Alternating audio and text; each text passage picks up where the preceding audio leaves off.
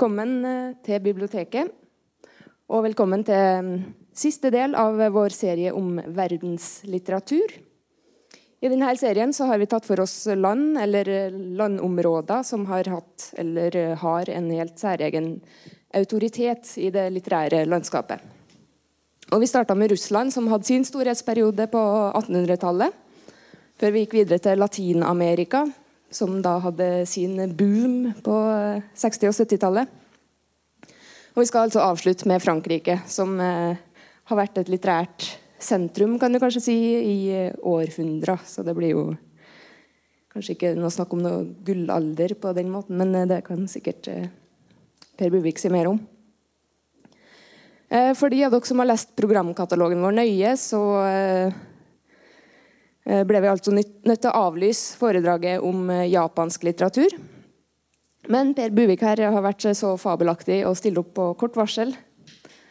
Så, eh, men da selvfølgelig på sitt eget ekspertområde, som er Frankrike. Per Buvik er professor emeritus ved Universitetet i Bergen. Han har dessuten nettopp gitt ut en bok, nemlig 'Sjalusi uten grenser', fra Eurypides til Vigdis Hjorth skulle jeg gjerne Du har den. Du, du den var eh, lånt ut? Ja. Alle eksemplarene Det er venteliste på boka på biblioteket. Supert. Så, men det går an å stille seg på ventelista, og det går sikkert an å kjøpe den uh, i, i, ulike forum. Da skal jeg bare gi ordet til Per Buvik. Vær så god. Takk skal du ha, Mari. Og takk for uh, invitasjonen. Jeg håper ikke det lille du sa om at jeg steppet inn der, betydde at uh, siden dere ikke kunne få Japan, så, så får dere tatt til takke med Frankrike. Jeg håper ikke det var, det var, sånn. Jeg håper du hadde tenkt på begge. Men OK. god kveld, alle sammen. det var hyggelig at dere har funnet veien hit hele 60, bortimot 60 personer har Mari talt. Ehm, vel vitende går jeg ut fra, som dere er, at det i praksis selvfølgelig ikke er mulig å dekke Frankrikes 2000-årige litteraturhistorie på én klokketime. Har jeg da lokket dere hit i kveld på falske premisser? Nei, det mener jeg at jeg ikke har. Som dere vet, er det noe som heter å betrakte det umulige som en utfordring. Og det er det jeg da har dristet meg til å gjøre. Det betyr at det dere får her i kveld, er min personlige, og i noens øyne også kanskje litt idiosynkratiske, iallfall høyst mangelfulle versjon av Frankrikes litteraturhistorie. Og nødvendigvis må den bli noe stikkordsmessig. Og dessverre, for meg som ikke liker name-dropping, en del name-dropping. Ikke desto mindre har mitt foredrag en gjennomgående rød tråd. Dvs. Si et overordnet perspektiv. Og det er i kraft av det også en fortelling. Fordelen med dette er bl.a. at også de av dere, noen enkelte innimellom kan vel være blant dem, som ikke har noe særlig kjennskap til fransk litteratur og litteraturhistorie fra før, kan eventuelt, forhåpentligvis, få noe ut av min beretning. Om dere ikke skulle få med alle navn og titler, er det heller ingen katastrofe. Så bare sett dere godt til rette og hør. Det hender jeg møter noen fordommer om fransk litteratur. At den ikke blir noe særlig lest, f.eks. For eksempel. fordi den angivelig er så sær og spesiell. Men bare det faktum at to av verdens aller mest omtalte forfattere i dag er franske jeg tenker på den unge Edouard Louis med romanene 'Farvel til Eddie Gull og 'Voldens historie'. Og jeg tenker på denne vakre mannen, Michel Houellebecq, som skaper opphetet debatt med hver eneste ny bok han kommer med. Bare det faktum at disse to får enorm oppmerksomhet verden over, motsier forestillingen om at fransk litteratur er så innadvendt og merkelig. Og hva skal vi si om Annie Ernaux, som også er oversatt til norsk? I denne sammenhengen at hun er en av Edvards viktigste inspirasjonskilder. For også hun har skrevet romaner om sitt eget liv, og også hun om sin egen klassereise. La Place fra 1984 merkverdig nok oversatt av Sissel Lie til norsk med tittelen 'Far'. Forstår du den som kan? Blant berømte nyere forfattere har også Marguerite Duras et ungdomsbilde av henne, som likeledes er oversatt og viktig bl.a. for vår egen Thomas Espedal. Skrevet romaner om sitt eget liv, hvorav 'Elskeren' fra 1984 ble en veritabel bestselger, nærmest en farsott. Ok, sier nå muligens enkelte av dere. Men hva med franske bøker og diktere fra en litt fjernere fortid? Forholder vi oss til noen av dem? Slik kan dårer spørre er jeg fristet til å si. For her kan jeg straks gripe til Antoine Compagnon, en profilert og høyt respektert litteraturprofessor ved Collège de France, som nå er blitt noe bortimot en internasjonal megastjerne takket være tre små bøker. En sommer med Montaigne en sommer med Baudelaire og en sommer med Proust. Det meste av kompanjons suksess skyldes hans enestående formidlingsevne. Men suksessen ville på den annen side ikke vært mulig hvis ikke hans forfattere på forhånd hadde vært omfattet av dels stor interesse, dels stor nysgjerrighet blant de hundretusener av hans lesere som håper at de selv en dag skal få tid til å lese hans tre favoritter. Den sterkt komprimerte og til dels Conamore-pregede fremstillingen jeg skal gi det følgende, er styrt av tre overordnede ideer som jeg gjerne vil understreke nå. Den ene ideen er at litteraturen alltid står i et aktivt, og jeg kunne godt si interaktivt, forhold til sin historiske kontekst. Ingen litteratur blir til i et vakuum. Den andre ideen er at all god litteratur har som et av sine primære anliggender å utforske og utvide grensene for det jeg våger å kalle menneskets frihet. Ved å være kritisk, analytisk eller overskridende, gjerne gjennom humor, i forhold til de til enhver tid herskende ideologier og normsystemer. Eller bare normer. Den tredje ideen er at god litteratur er en helhet av estetisk eller kunstnerisk form på den ene side, og innsikt og erkjennelse på den annen side. Så hvordan fortsetter jeg så? Med et eksempel.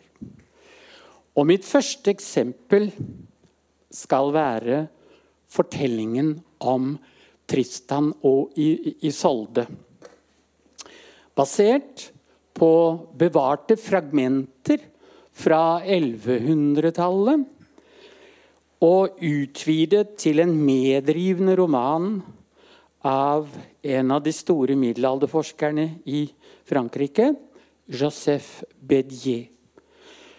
Ehm, det var jo ikke minst inspirert av Richard Wagners musikk og osv. at eh, Bédier fikk den ideen, og han ga ut denne romanen, må vi si, med visse forbehold, først i år 1900. Ehm, hvorfor dette eksempelet? Det korteste svaret er fordi denne romanen, som altså er sammensatt av fragmenter, på en epokgjørende måte illustrerer og har også selv sterkt bidratt til å befeste en grunnleggende forestilling i hele vår kultur. Nemlig forestillingen om den besettende, men ulykkelige, ja, tragiske kjærlighet. Forestillingen om at det er bare én vi kan elske fullt og helt, men at denne, kjærligheten er umulig. Fordi den ene elskede er bestemt for en annen. Tristan elsker Isolde inntil vanvidd. Men hun er nødt til å gifte seg med kong Mark, selv om også hun elsker Tristan. Ekteskapet er en fornuftsbasert og en samfunnsmessig, endog en politisk institusjon. Kjærligheten er følelser og begjær hinsides fornuften. Og den krever en frihet som ikke finnes, eller som konsekvent motarbeides, men som manes frem på og mellom litteraturens linjer. Derfor er det bare i døden virkelig elskende kan forenes med hverandre. Dette romantiske kjærlighetssynet gjenfinner vi i ganske mange varianter i vestlig litteratur, også i operalitteratur. Jeg nøyer meg her med å nevne vår egen middelalderballade om Bendik og Årolilja, og selvfølgelig Shakespeares tragedie om Romeo og Julie. Fortellingen om Tristan og Isolde ble tidlig koblet sammen med to andre skatter i fransk middelalderlitteratur, nemlig trubadurdiktningen og ridderromanene. Både trubadurene nede i Provence og ridderromanforfatterne var opptatt av kjærligheten. Ikke minst den umulige, den tragiske. Vi må huske at vi nå snakker om en periode i europeisk historie da det forretningsmessige, fornuftsekteskapet, var den absolutte norm. Trubadurene fremførte sine dikt som sanger til eh, instrumentalt akkompagnement, jf. nobelpriseren Bob Dylan. Eh, men eh, Bob står foran tusener. Trubadurene opptrådte ved ulike fyrstehoff og henvendte seg gjerne til slottsfruen i de mest rosende og smektende ordelag. Men det dreide seg om en litterær sjanger, så målet var ikke å erobre, og håpet kunne heller ikke være å erobre den vakre fruen i virkeligheten, men nettopp å lovprise selve kjærligheten. Noe som kunne være dristig nok. Ellers eh, vil jeg minne om at eh, Provence, som helt sikkert mange her har besøkt, trubadurenes rike, ble lagt inn under den franske sentralmakten, altså under kongen. Eh, først, dere vil nesten ikke tro det, på 1480-tallet. Først på 1480-tallet. Og Provence hadde også et eget språk, provansalsk, i nær slekt med katalansk, for dere som elsker Barcelona. Eh, den andre franske nobelprisvinneren i litteratur, Frédéric Mistral, skrev for øvrig også på provansalsk. Han fikk eh, ellers eh, Nobelprisen i 1904, året etter vår egen Bjørnstjerne Bjørnson. Også ridderromanene handler eh, som antydet mye om kjærlighet og følelser. En av de mest kjente forfatterne var Chrétien de Troyes, et navn som bare betyr 'kristen fra byen Troyes', eller 'den kristne fra byen Troyes'. Hans stoff var gjerne legendene om den walisisk-keltiske kong Arthur og ridderne det runde, runde, ja, av det runde bord. Og deres jakt på Den hellige gral. Den skålen som samlet opp Jesu bloddråper under korsfestelsen. Eh, det var ifølge legendene den samme skålen Jesus hadde anvendt under sitt siste nattverdsmåltid med disiplene. Den ble tilskrevet magiske egenskaper og ble ansett da som usedvanlig verdifull. Dette stoffet, vil noen vite, opptok også Sigrid Undset, vår katolske forfatter Sigrid Undset her i Norge. Inn i dette stoffet kunne Chrétien de Troyes legge problemstillinger som på hans tid var høyst aktuelle. F.eks. det ofte kompliserte spenningsforholdet mellom dyrkingen av den ene elskede og av den altoppslukende kjærlighet på den ene side, og ridderskapets krav om store krig, konstant store krigerske bedrifter, og dermed kontinuerlige og langvarige fravær på den annen side. I fortellingen om Lancelot, eller kjerring... Eh, unnskyld. Det er bra. Eh, siden dere lo, så følger dere fremdeles med. Det er bra. Eh, får vi får vi bl.a. høre om det hemmelige, amorøse forholdet mellom kong Arthurs dronning Genievre, eller Ginevra, Ginevra, og hans ridder Lancelot, som hustruen altså bedro ham med. I femte sang i Inferno-delen av Dantes Divina Comedia, guddommelige komedie, avslører Francesca at denne fortellingen hadde så sterk innvirkning på hennes sanselige følelser at eh, hun også bedro sin ektemann med hans mye flottere bror Paolo, som hun leste den aktuelle ridderromanen sammen med. Eh, I, eh, i Sigmund Skars kanskje litt arkaisk oversettelse i dag, nynorsk oversettelse, så heter det da at de leste og leste. Og så kysser de hverandre, og så, så, så skriver Sigurd, Skar Og dei las ikke mer den dagen de to.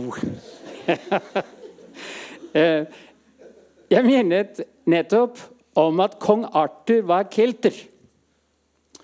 Walisisk kelter. Kelterne, som franskmennene kalte gallere, gaulois, dominerte det er sikkert noen Asterix-lesere her, dominerte svært mye av det nåværende Frankrike før Cæsar, Cæsar, i år 51 før Kristus, la det de kalte Gallia Transalpina, som betyr kelterlandet på den andre siden av Alpene, inn under Romerriket. Altså det er vi omtrent ved Kristi fødsel, litt før. 400 år senere fikk imidlertid romerne store problemer med germanske stammer som invaderte landet. En av disse germanske folkestammene var frankerne, som skulle gi Frankrike Frankerriket sitt navn. Etter de store folkevandringene på 400-tallet var Frankrike et etnisk og språklig konglomerat med keltere, romere og frankere som de nominerende grupper. Frankerne utmerket seg med sine bestrebelser på å samle hele landområdet til ett kongerike. Clodvig, på fransk Clovis, og senere Louis altså tysk Ludvig, norsk Ludvig, ble den første kongen. Men på 700-tallet ble Frankrike i sin tur truet av invasjon, nå av arabiske og nordafrikanske muslimer. Invasjonen ble imidlertid stanset av den kristne frankekongen Carl Martel, som noen husker fra historieboken, 732. En seier for øvrig for venn Michel Houellebecq viser til i sin siste roman 'Underkastelse'. Han spiller litt på det. Frankekongen Karl den store, Carolus Magnus, Charlemagne, kronet av paven til tysk-romersk keiser, er likevel blitt stående i fransk tradisjon som kristenhetens store forsvarer, og det på tross av at han hadde sitt hovedsete i Aachen i Tyskland. Dere finner ham til hest her på en statue som befinner seg til høyre på plassen foran Notre-Dame-katedralen i Paris. Hvis dere står og ser på inngangen Notre-Dame, og så da, står den statuen der. Mange som ikke legger merke til det. Karl den store er også en sentral skikkelse i Frankrikes nasjonalepos nummer én. Rolandskvadet, La chanson de Roland fra 1100-tallet. Roland er Karl den stores nevø og leder Karls baktropp under returen til Frankrike etter det kongen tror er en fredsslutning med muslimene i Spania. Karl er imidlertid blitt forrådt av sin sjefsforhandler, som er hans egen svoger. Og Roland blir drept i et bakgårdsangrep i et pass i Pyreneene. Kongen kommer for sent til unnsetning, men beseirer muslimene i et voldsomt og grusomt slag. Dette er det som har skjedd i år 778. Det hører med til historien at det man mener er det mest fullstendige Rolandskvad-manuskriptet, ikke ble funnet før i 1832, og at den første trykte utgaven utkom så sent som i 1837, altså i romantikken. Sju år etter at Frankrike hadde erobret Algerie. Det nemlig, skjedde nemlig i 1830. Og på et tidspunkt da nasjonen sårt trengte samlende ideologisk overbygning, sterkt splittet i ulike politiske fraksjoner som den var. Februarrevolusjonen, som alle har hørt om, i 1848 er ikke langt unna. På tross av samling, de symbolske samlingsforsøket gjennom Rolandskvadet og andre bestrebelser. Frankrike ble ellers ikke samlet før på 1500-tallet. Under renessansekongen Frans 1., Francois 1., han som utbygde kongepalasset Louvre og gjorde det til sin kongelige residens, og som kjøpte by the way, Leonardo da Vincis Mona Lisa, en av Louvre-museets største attraksjoner i dag, som alle vet. Kanskje er det til og med enda riktigere å si at Frankrike først ble samlet under Ludvig den 14., solkongen, på 1600-tallet. Det var særlig tre alvorlige hindringer som vanskeliggjorde en sterk eh, sentralmakt i Frankrike. Den ene var selve den sosiale og økonomiske strukturen, med andre ord føydalismen, som gjorde de mange slottsherrene rundt omkring fyrstene, hertugene, grevene, baronene til de rene småkonger med egne særinteresser. Den andre hindringen var fremmed maktinnblanding, ikke minst fra britenes side.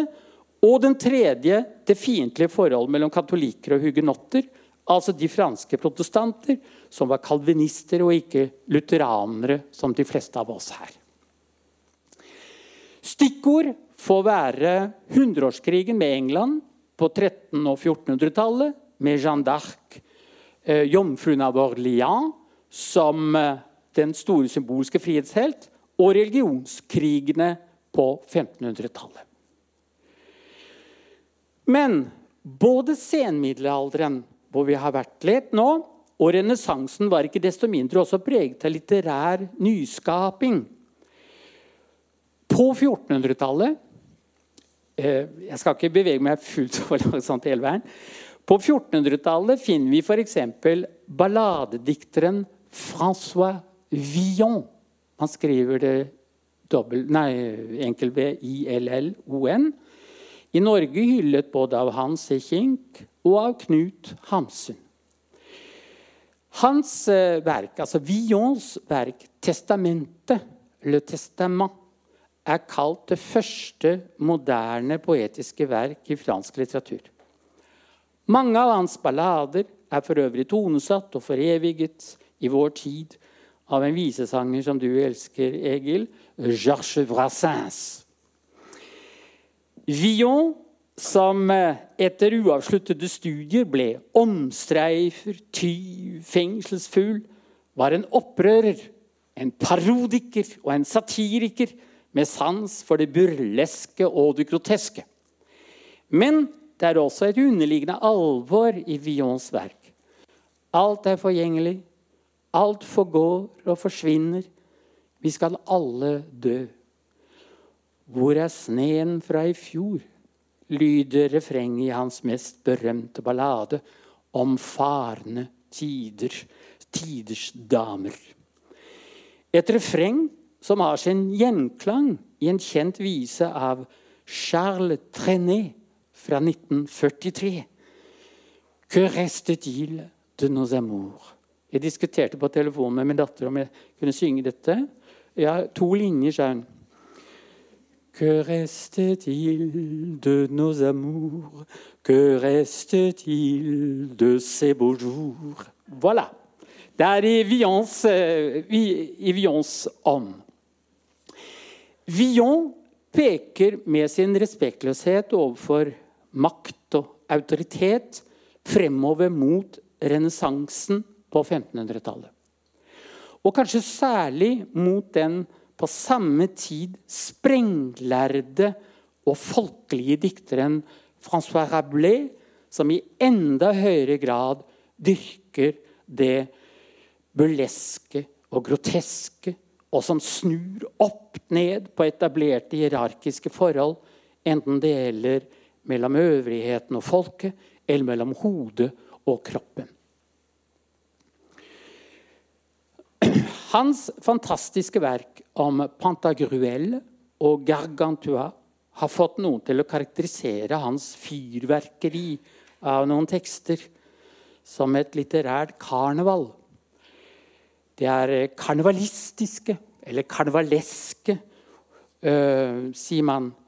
Tekster, ikke overraskende, fordømt av de dogmatiske teologene på Sorbonne-universitetet i Paris. Sprudlende og karnevalesk er vel ikke denne kvinnen her. Louise Labbé. Ikke desto mindre er også hun en viktig stemme i renessansen, slik jeg ser det, fordi hun lar kvinnen, og ikke minst kvinnens lidenskapelige følelser, som er undertrykt i et patriarkalsk samfunn, selvfølgelig, komme til uttrykk på den heftigste måte, må vi. Det er sikkert som kan fransk her, så jeg, jeg, jeg det. Jeg på fransk. Bare hør på dette. Baise mon cœur, rebaisez-moi et baise. Je brûle, je me dois, je me noie. Vet dere hva det betyr? Det betyr kyss meg, kyss meg igjen, kyss meg på nytt. Jeg brenner, jeg drukner. Det er driste greier. Eh, det er historien, mine damer og herrer. Heller ikke Montaigne, som eh, altså Antoine Compagnon har eh, skrevet en liten bestselger om, kan kalles sprudlende. Men også han var opptatt av at mennesker måtte få mer frihet til å tenke og føle slik de ville og kunne. Montaigne skapte en ny sjanger, som mange vet. Det personlige essayet. Der utforsker han fritt seg selv, sine egne tanker og følelser. Men samtidig reflekterer han over vitale spørsmål som stadig flere mennesker er opptatt av. Vennskap, kjærlighet, lykke, ulykke, tro og tvil, frihet, frihetens begrensninger, kunnskap, uvitenhet, livets foranderlighet og forgjengelighet. Hans radikale idé om jegets, altså subjektets ustanselige omskiftelighet, peker fremover mot eh, en, eh, altså den tredje store favoritten til Compagnon, nemlig Marcel Proust. Med Villon, Rabelais, Louise Labbé og Montaigne er spiren til det moderne, splittede individ, befridd for religiøse dogmer, kommet inn i fransk litteratur. I dag er vi så moderne, for ikke å si postmoderne, og så individuelt frie, tror vi, at vi har store problemer med å forstå hvor radikale deres skrifter var i sin tid. Den gradvise frigjøringsprosessen som jeg mener er grunnleggende i hele den franske litteraturens historie, gjelder også språket. Kirkens og de lærdes hovedspråk var latin, mens dikterne skrev på fransk i en viss forstand på folkespråket. Med den presisering at det i realiteten var flere folkespråk og et hav av dialekter på fransk grunn. Da dikteren Dubellé, Joaquin Dubellé i 1549, altså i renessansen, utga sitt berømte manifest til forsvar for bruken av fransk, 'Défense et illustration de la langue française', mente han åpenbart at fransk var det språket som ble talt ved hoffet i Paris. Dialekten i Paris-regionen, Ile-de-France, ble også Frankrikes nasjonalspråk, slik Toskana-dialekten ble Italias pga. Dante og Firenzes sterke stilling. Men med barokken på begynnelsen av 1600-tallet mente samfunnets ideologiske establishment at det gikk for vidt. Én ting var at det litterære språket ble for utstudert og kunstig i de barokke tekstene. En annen ting var at beskrivelsene av det groteske og det makabre i smakdommernes øyne ble, tok overhånd. En tredje ting var at det emosjonelle i for stor grad fortrengte det rasjonelle. Men barokken hadde alltid et underliggende alvor. Forankret i døds- og forgjengelighetsbevissthet, endog i en tragisk livsvisjon.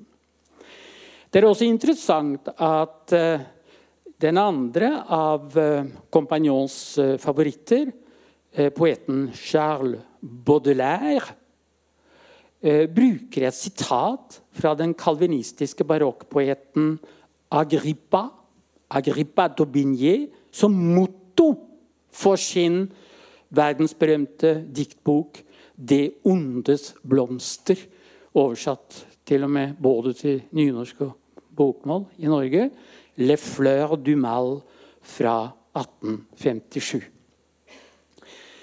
At barokkdikterne løp løpsk, så å si, var noe av bakgrunnen for at kardinal Richelieu i 1634, i Ludvig den 13.s regjeringstid, opprettet Det franske akademi. Som fungerte som sentralmaktens kontrollorgan på det språklige og litterære området. Dramatikeren Pierre Corneille, som Ask Burlefot i Agnar Bykles berømte bergensroman 'Sangen om den røde rubin', er fra seg av begeistring for. Han måtte tåle akademiets sensur. No, no, monsieur Corneille, ça va pas. Fordi han ble ansett for å være for barokk og for lite fransk i henhold til de normer som akademiet eh, målbar og forsvarte. Tragediedikteren Racine og komediedikteren, som sikkert flere er fortrolige med, Molière, litt senere, slapp derimot ikke bare gjennom nåløyet, men ble fremholdt som strålende eksempler til etterfølgelse. Da er vi kommet til Ludvig den 14.s enevelde av Guds nåde i perioden 1660 til 1715. Det er kanskje forbausende for noen at den absolutistiske monarken og Det franske akademi holdt sin hånd over en så samfunns- og normkritisk forfatter som Molière, med radikale stykker som Tartuffe, Don Juan, Hustruskolen, Le Gall de Femme. Men for det første var Molière en viderefører og en fornyer av antikkens ærverdige komedietradisjon. Og en eminent utøver av det franske språket, slik kongen og akademiet ville ha det konsolidert. For det andre var ikke Molière motstander av kongemakten, men av de kreftene, ikke minst de religiøse, som med sine særinteresser truet kongemakten. Det var utvekster og fordommer han slo ned på. Det er likevel kanskje mer umiddelbart mer innlysende at eh, Ludvig, kong Ludvig og akademiet måtte glede seg over Racine. Altså, der har vi kong Ludvig i kjent positur. Eh, denne mannen som ikke ser ut som en dikter, det er Racine. Eh, og denne vakre ynglingen, holdt jeg på å si, det er Molière. Eh, men det er altså kanskje mer eh, mer innlysende at eh, Ludvig glede, måtte glede seg over Racine. Hans dramatikk var den aller ypperste illustrasjon av det franske språket og dets rikdom. Det ble normdannende ikke bare på 1600-tallet, men også for ettertiden. Når fransk ble verdensspråk nummer én i det 17., 18. og langt inn i det 19. århundre, var det mulig ikke bare pga. ekspansive herskere som Solkongen og senere Napoleon den første og Napoleon den tredje, men i høyeste grad takket være språkkunstnere som Molière og Racine. Og mange med dem F.eks. fabeldikteren La Fontaine og eventyrdikteren Perrault, som ga oss eventyret for eksempel, om Rødhette før Brødrene Grim.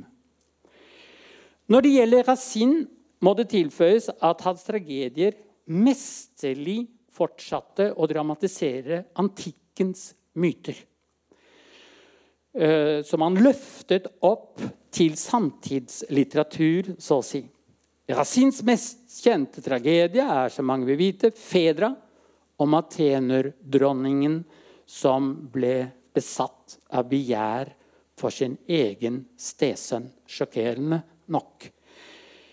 Eh, dette er forresten et drama den et par ganger nevnte Prost vier ganske stor oppmerksomhet i sin romanserie 'På sporet av den tapte tid'. Men Racine moderniserte den antikke begjærsproblematikken ved å introdusere en rivalinne, Arisia, som stesønnen Hypolitos foretrekker fremfor Fedra. Hun blir fra seg av sjalusi. Noen av kvinnens spesifikke problemer i det patriarkalske samfunnet i Frankrike på 1600-tallet blir suverent artikulert av Racine gjennom en jeg hadde nær sagt eh, antikk tragedie. Behandlingen av kvinnens spesifikke problemer skjer imidlertid enda tydeligere og på en mer aktualisert måte i det som er kalt Frankrikes første roman, 'Prinsessen av Clèves', av Madame de Lafayette. Denne romanen, som er oversatt til norsk, handler om å Blant annet, i hvert fall, om å elske en annen mann enn sin ektemake. Hvilket jo var nærliggende ettersom han i dette samfunnet fikk prakket på seg sin ektemake før man kjente vedkommende særlig godt. Eh, den handler om sjalusi, om å kjempe mot sine lidenskaper, om dyd og om å dø av kjærlighetssorg. Manon Lescaut i århundret etter er en kvinne av et helt annet slag enn Madame de Lafayettes dydige prinsesse. Hovedpersonen i Abed Prévots roman er løsaktig, ustadig, upålitelig og selvstendig. Og desto deiligere og mer erotisk berusende. Romanen 'Manon Lescaut' fra 1731 tar opp viktige motsetninger på 1700-tallet. Mellom borgerskap og adelskap, f.eks. Og den tematiserer pågående samfunnsendringer som sosial mobilitet, pengenes betydning, seksualitetens rolle og den individuelle frihet og dens grenser. Mange vil helt sikkert kjenne Manon først og fremst fra Puccinis fantastiske opera, og noen musikkjennere sikkert også fra Jules Masnés opera. Ellers er det opplysning og kunnskapstørst vi gjerne forbinder med fransk 1700-tall. Uten opplysningsfilosofene Rousseau, Voltaire, Diderot, Montesquieu ville ettertidens ideologiske, og politiske og moralske tenkning vært annerledes. Nokså annerledes. De var alle avgjørende for det opprøret mot kirkens og øvrighetens maktutøvelse som kulminerte med den store franske revolusjonen i 1789. En revolusjon som førte til kongedømmets midlertidige avskaffelse og til opphevelse av en del av adelens gamle privilegier. Frihet, likhet, brorskap. Liberté, egalité, fraternité var som kjent de borgerlige opprørernes slagord. Men for å bekjempe kirkens og religionens makt trengtes kunnskap, basert ikke på dogmer, men på vitenskap og fordomsfri tenkning. I så måte var Diderot og hans medarbeideres store encyklopedi helt avgjørende. Men likeens de tre andre nevnte tenkernes skrifter. Og også litterære tekster. De skrev nemlig alle noveller og romaner som banet vei for en friere måte å tenke og også å føle på. Jeg må her begrense meg sterkt, selvfølgelig, og kommer ikke til å si noen ting verken om Rousseaus Emil, om oppdragelsen, Diderots Nonnen og Ramos nevø, eller om Voltaires kjente og kjære tekst Candide. Derimot vil jeg trekke frem Montesquieus brevroman 'Persiske brev'. Montesquieu er for de fleste av oss kjent, særlig kjent for å ha banet veien for det maktfordelingsprinsippet som er fundamentalt for alt demokrati. Og således også det norske, selvfølgelig. Men Montesquieu er også en radikal tenker i sine, paris, parisiske, i sine persiske brev, der han lar en perser, altså en utlending, betrakte Frankrike med et fremmed blikk, slik at franske forhold fremstår som både underlige og kritikkverdige. Altså Frankrike er da gjennom en mann som Montesquieu en uh, kultur som har et dobbeltblikk, får et dobbeltblikk på seg selv. Kan se seg selv og se seg selv utenfra. Kan uh, skryte av seg selv, men også kritisere seg selv. Polit fransk 1800-tall er politisk merket av Napoleons storhet og fall. Det første par tiår. Altså ikke fullt to tiår, men halvannet tiår. Merket videre av julirevolusjonen i 1830-30. Februarrevolusjonen i 1848. Innføringen av Frankrikes andre keiserdømme under Napoleon 3. i 1852. Nederlag i den tysk-franske krig i 1871, som førte til den definitive opprettelse av Den franske republikk i 1871. Både revolusjonen i 1789 og revolusjonen i 1848 hadde gjort Frankrike republikansk. Men det var først med Den tredje republikk i 1871 at det ikke lenger gikk noen vei tilbake til konge- eller keiserdømme. Hvilket de gjorde etter den første revolusjonen og den andre revolusjonen. som jeg nevnte. I dag har Frankrike sin femte republikk, grunnlagt av Charles de Gaulle, generalen, i 1858. 1800-tallets store ideer var demokrati, fremskritt, vitenskap og industrialisering. Og med industrialisering fulgte både proletarisering, klassekamp og fremmedgjøring. På det litterære området ble romanen den dominerende sjanger. Romanforfatterne både fremstilte og analyserte den nye historiske virkeligheten og dens iboende motsetninger og spenninger. Og romanen ga også muligheter til virkelighetsflukt eller møter med alternative virkeligheter. Victor Hugo har alle hørt om.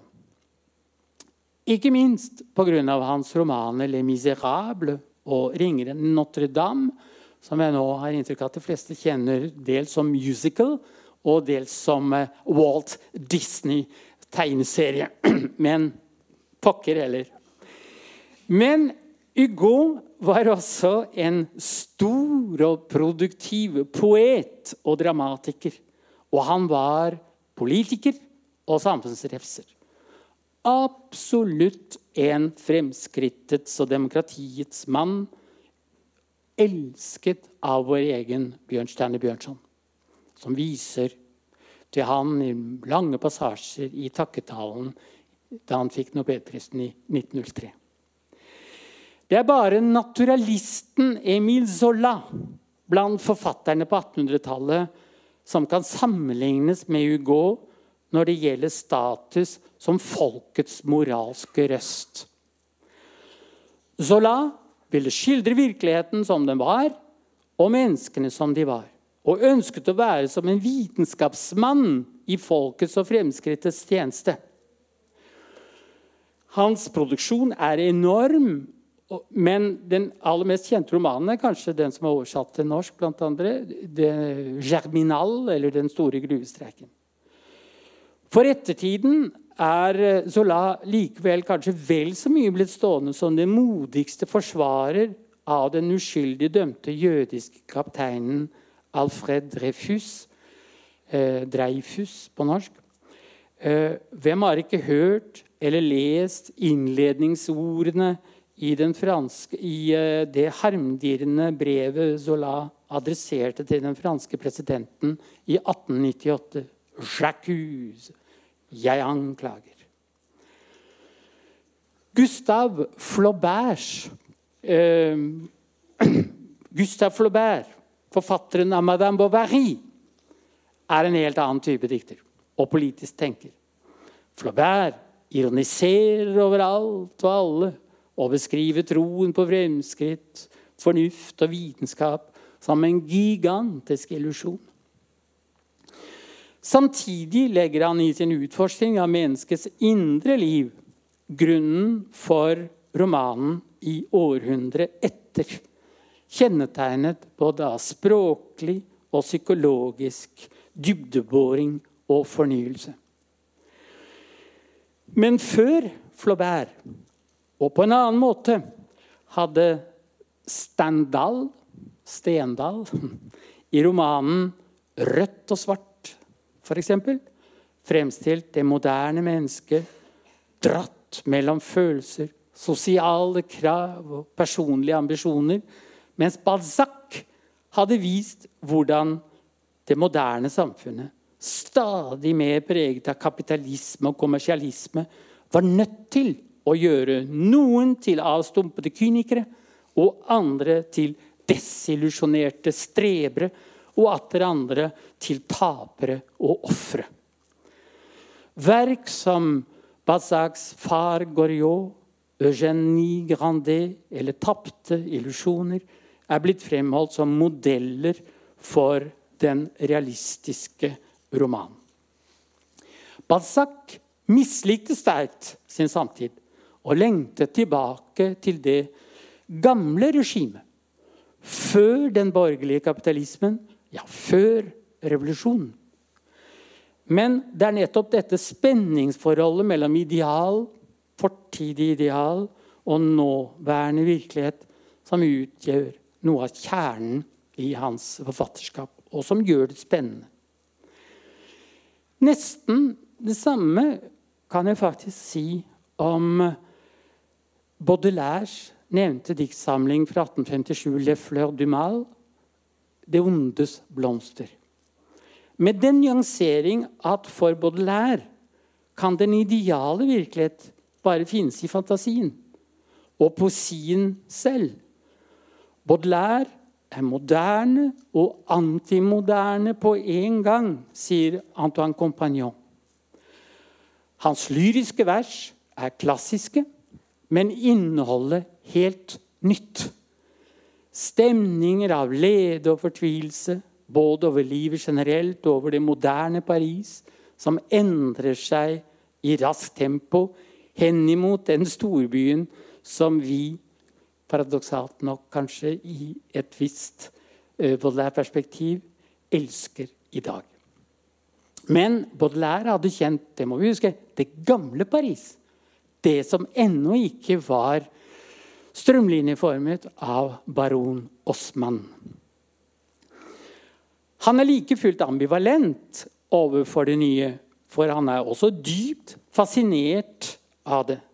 Dette kommer ikke minst til uttrykk i hans forglemmelige prosadikt, som jeg vil anbefale folk som lurer på om de skal lese noe av Baudelaire, altså, å begynne med rett og slett altså hans prosadikt. Baudelaire har påvirket all senere fransk poesi og store deler av europeisk poesi. Uh, og uh, noe av det viktige med den poesien som fulgte etter ham, f.eks. den symbolistiske poesien representert ved folk som Mallarmé, det var at poesien ble en arena for søken etter et alternativ til det selvfornøyde og uunngåelige klisjéfylte fremskrittsspråket. På mot, etter Baudelaire motsatte seg å være et middel for å kommunisere etablerte sannheter og korrekte meninger. Fantasien er evnenes dronning, skrev Baudelaire. Og med det mente han den skapende fantasien i en mer radikal forstand enn den som utfoldet seg i bøker som jeg selv slukte i barndommen. Jeg nøyer meg å nevne en som kanskje flere kjenner, Egil i hvert fall. Eh, 'Greven av Monte Cristo' av Alexandre Dumas den eldre. Far til Alexandre Dumas den yngre, som skrev 'Kameliadamen', utgangspunktet for Verdis kjente opera 'La Traviata'. Nettopp fantasien ble et sentralt domene å forsvare og utforske i det 20. århundres, det 20. århundres franske litteratur. På høyst ulike måter, selvfølgelig. En måte er Saint-Exupéris i 'Den lille prinsen', som jeg vil tro er den mest kjente og lovpriste bok i fransk 1900-tallslitteratur overhodet. En annen måte er eh, surrealistenes, som bryter radikalt med konvensjonell logikk og fornuft, samtidig som de var store kjærlighetsdiktere. André Breton, Paul Eluard, Louis Aragon med herlige dikt foreviget av sangeren Leo Ferré. Dyrkingen av fantasien faller avgjort inn under min overordnede idé om at litteratur er utforsking og utvidelse av grensene for vår frihet. Men friheten kan også forsvares mer eksplisitt det var det eksistensialistene med, med Jean-Paul Sartre, Simone de Beauvoir, ungdomsbildet av henne, og Albert Camus, som jeg ikke har med her, slik de gjorde. 'Frihetens veier' var eh, tittelen på en romantrilogi av Sartre. Og gjennom hele sitt virke var han en forsvarer av menneskets frihet selv om han så absolutt kunne innta meget diskutable politiske posisjoner. Hans prinsipielle forsvar for Stalin og hans politikk eh, ble f.eks. litt for drøyt for hans venn Albert Camus, slik at det kom til et brudd mellom disse to tidlig på 1950-tallet. At Sartre med sitt ruvende verk 'Væren og intet', 'L'être le nian', var en større filosof enn Camus, med en liten flis bl.a., men veldig spennende, som heter 'Myten om Sisyfos'. Det er jeg likevel ikke i tvil om. Til gjengjeld var Camus en større romanforfatter, med klassikere som 'Den fremmede', 'Pesten' og en favoritt for meg 'Fallet'.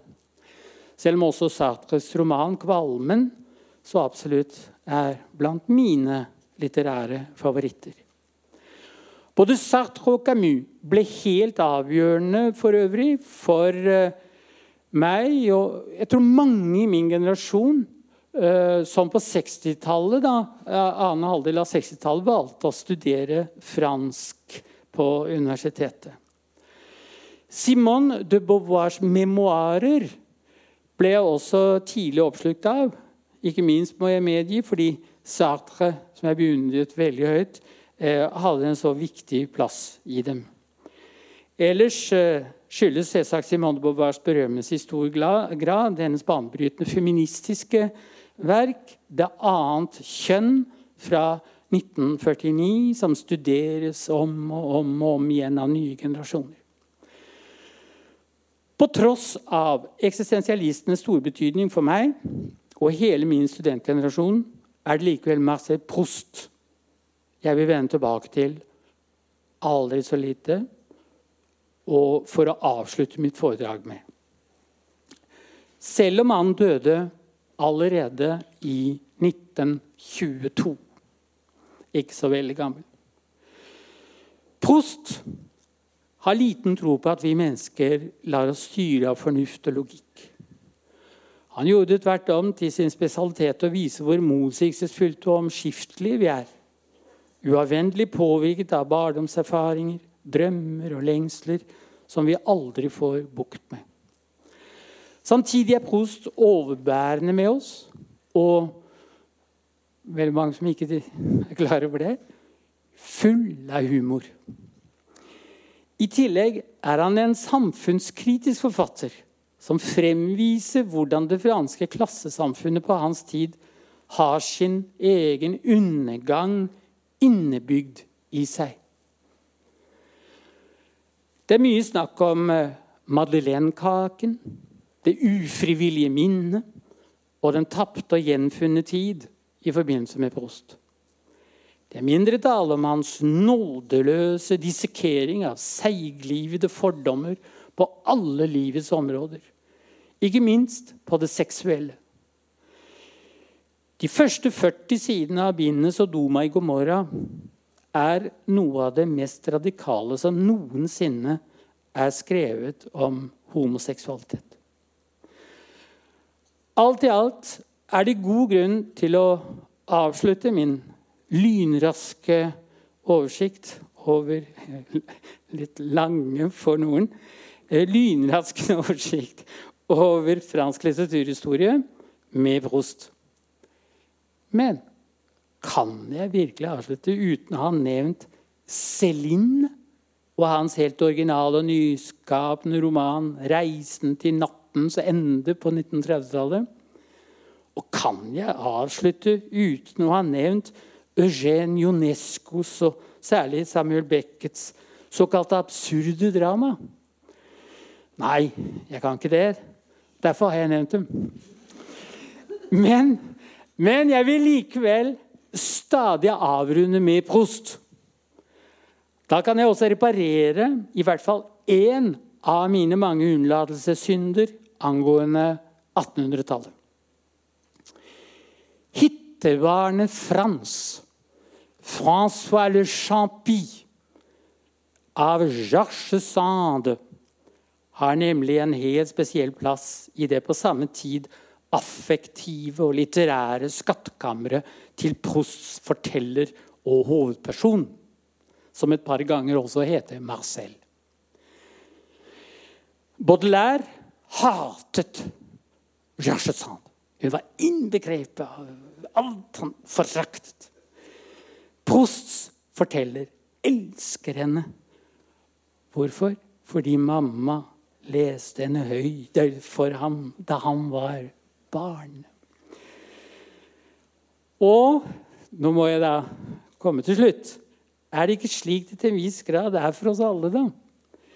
At den litteraturen vi setter høyt, på ulike måter og på ulike plan berører oss i vårt eget liv.